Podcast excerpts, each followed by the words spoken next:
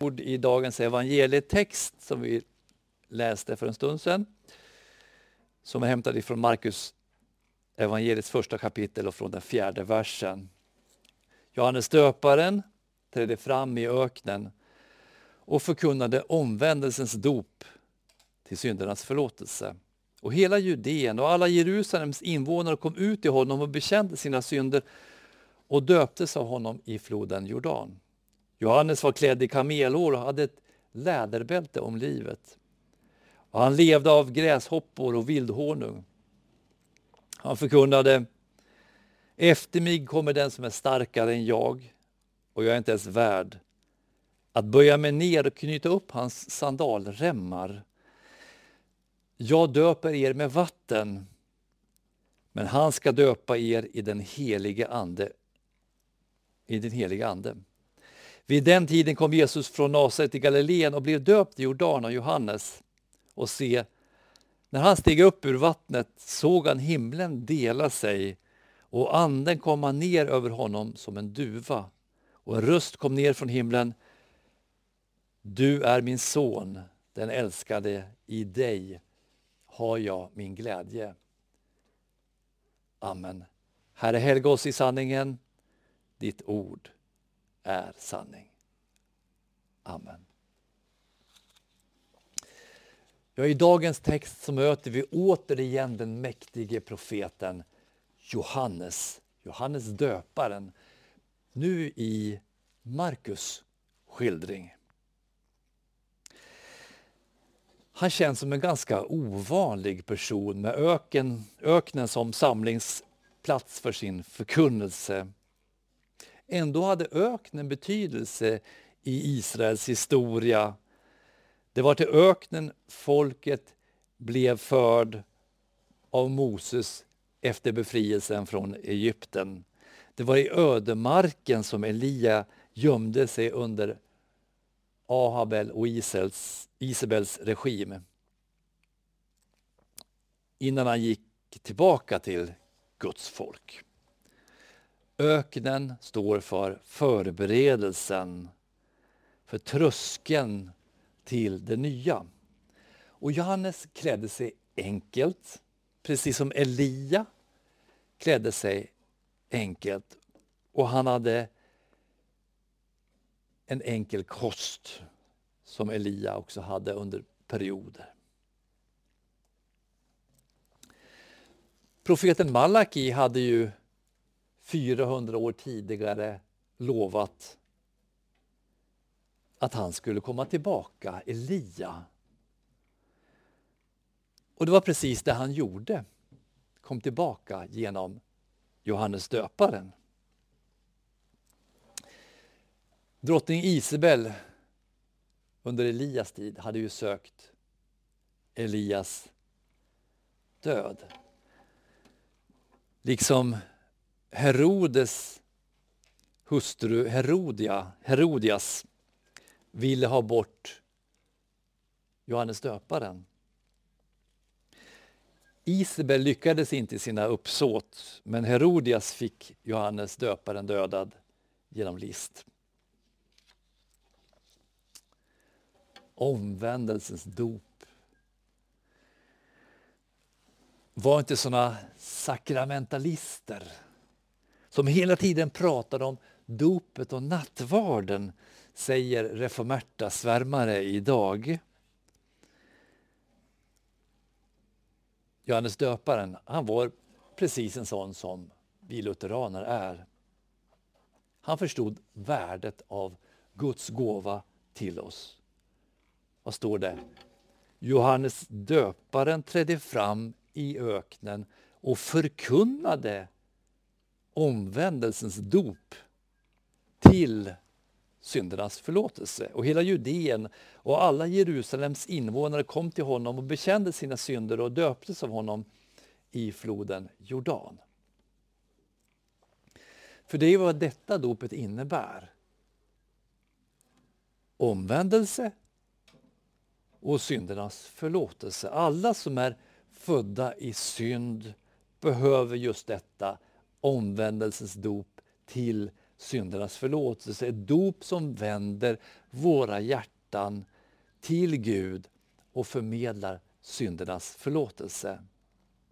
En människa som har varit vänd från Gud blir vänd till Gud, blir en ny person som inte bara är född av köttet, av syndig natur, en gång genom sin moder, utan som är född en gång till av vatten och ande, som Jesus säger i Johannes 3 och 5.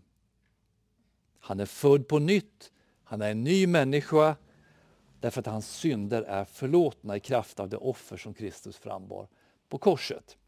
Hela Judeen och alla Jerusalems invånare kom ut till honom och bekände sina synder och döptes av honom i floden Jordan. Vilken glädje, vilken fest!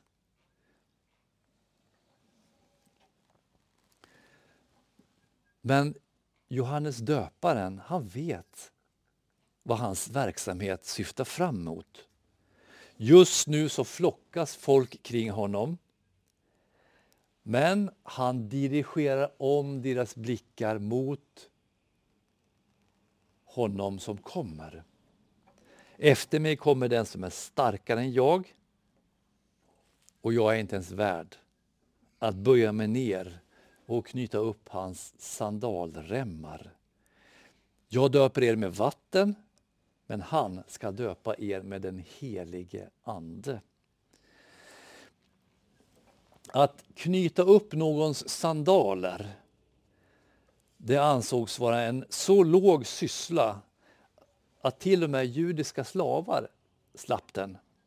Bara hedniska slavar kunde man avkräva en sån tjänst.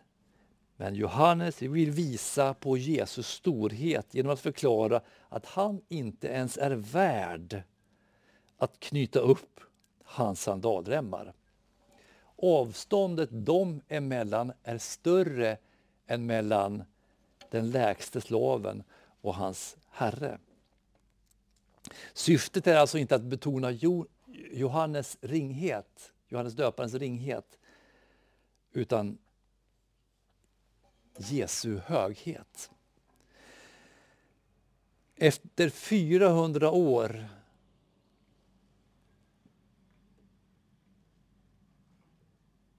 innan döparen så hade alltså folket varit utan en profet.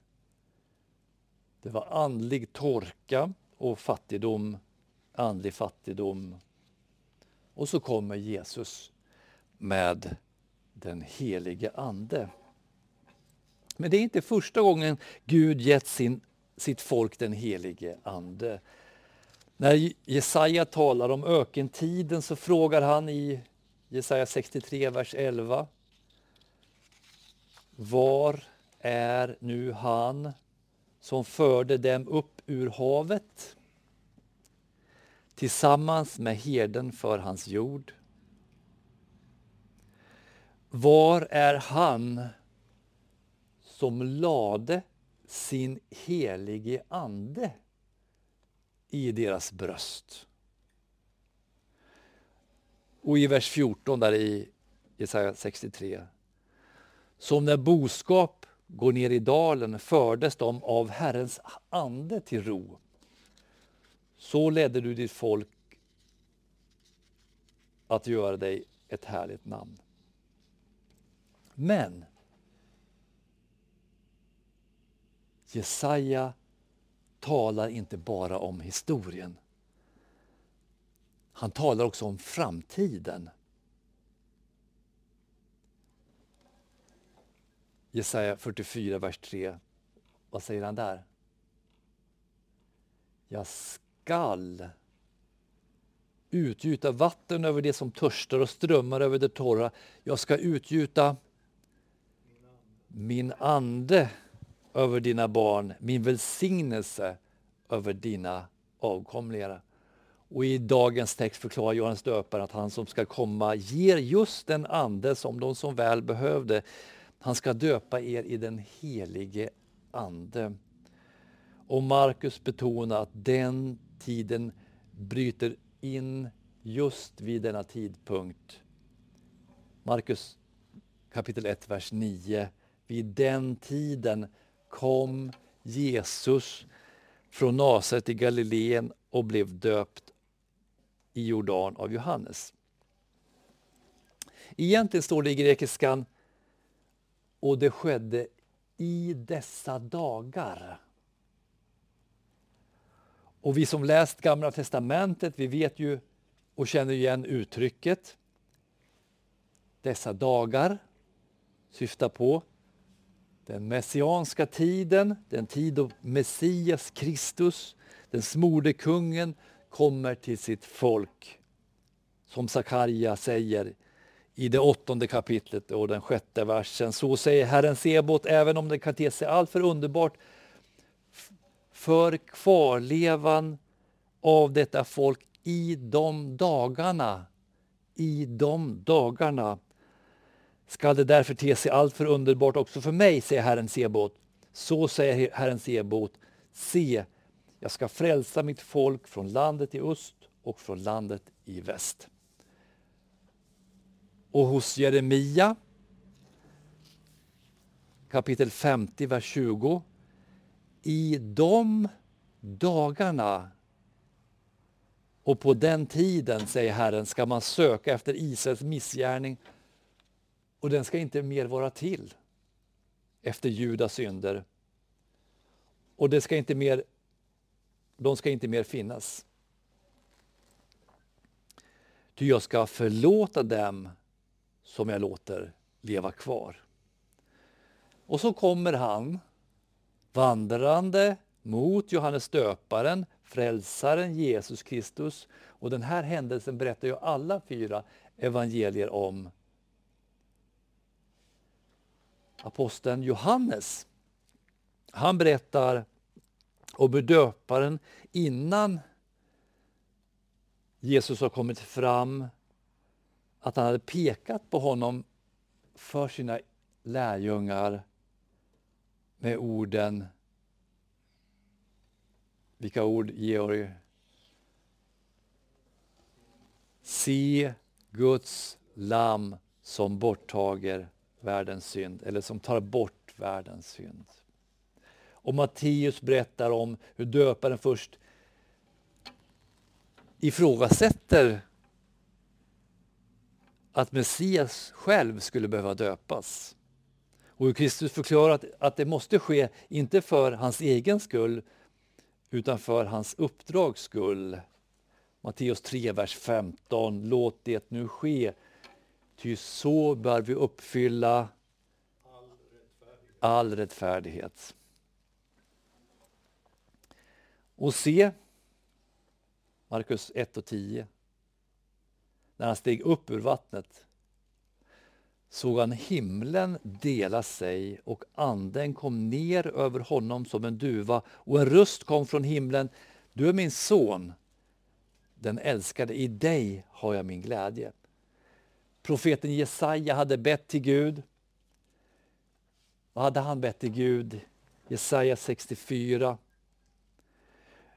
O, att du lät himlen rämna och kom hit ner så att bergen skakade inför dig, som när eld antänder ris och elden får vattnet att sjuda, så att ditt namn blir känt för dina ovänner och hedna folken darrar för dig. Kanske profeten tänkte på hur Gud kom ner till berget Sinai för att ge dem sin lag. Att himlen måste rämna, måste dela sig vittnar om vad då? Det vittnar om den ogenomträngliga barriär som människan skapat mellan sig och Gud, mellan himmel och jord. Ett avstånd som bara kan brytas av Gud själv. Och vid Jesu dop delas himlen och den helige Ande kommer ner. Alla tre personer i gudomen är närvarande vid dopet. Faderns röst. Sonen finns där, den helige Ande i en duvas gestalt. Liksom Fadern hade talat vid skapelsen, Kristus var ordet och vad står det? Anden svävade över vattnet. Och så delas himlen. Gud har redan kommit ner hit som sonen. Jesus Kristus, född av jungfru Maria. Och Gud, Fadern, talar. Och det var ett mäktigt budskap. Du är min son, den älskade. I dig har jag min glädje. Du är min son, den älskade. I dig har jag min glädje. Och judarna kände sin Torah, sina Moseböcker. Och de kanske kom att tänka på berättelsen om Abraham. Vad står det där? Första Mosebok 22.2. Gud sa till Abraham, ta din son Isak, din enda son, som du älskar och gå till Moria land och offra honom där som, som brännoffer på ett berg som jag ska visa dig. Vi känner ju alla till berättelsen. Isak var inte off offret och Isak blev inte offrad. Men idag så ser vi det sanna offret som Gud själv ger. För människans synd fordrar nämligen gottgörelse, offer inför Gud. Men vi har en sån Gud som vet att eftersom ingen av oss har den rättfärdighet, har den helighet som fordras av oss och eftersom offret måste vara felfritt så ger han oss själv offret genom sin son Jesus Kristus. Och från himlen förklarar han att det var inte ett lätt offer för Fadern att ge sin älskade enfödde son för våra synders skull, för att utplåna vår skull, för att friköpa oss ifrån alla våra brott. 1600-talsbiskopen och psalmförfattaren Jesper Svedberg diktar Guds nåd och stränghet ser vi här en helig Gud för människors brott har offer krävt och offer fått. En nådig Gud, en himmelsk far till sina barn oss återtar. Jesu död, Jesu blod vittnar om syndens allvar, hur Gud ser på vår olydnad, vårt uppror, vår bortvändhet. Jesu död, Jesu blod vittnar också om Guds kärlek. Hur mycket Gud gjorde och gör för att vinna oss tillbaka till sig. För att vi ska få frid med honom, gemenskap med honom, fullkomlig upprättelse och förlåtelse. Och det är just denna gärning som Kristus Jesus går in i genom sitt dop. Frälsare gärningen. Det är startpunkten för hans verksamhet, en verksamhet som når sin fullkomning vid ett kors. Och vid en tom grav som Jesus lämnar på den tredje dagen går ut ur för att så småningom fara upp till himlen.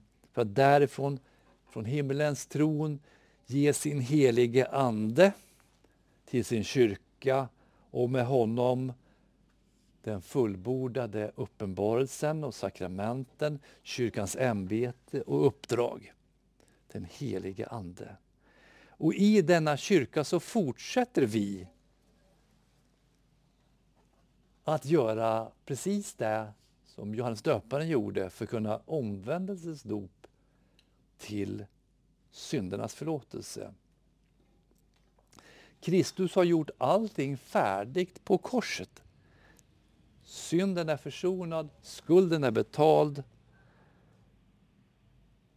Vi har full förlåtelse i och genom Jesus Kristus.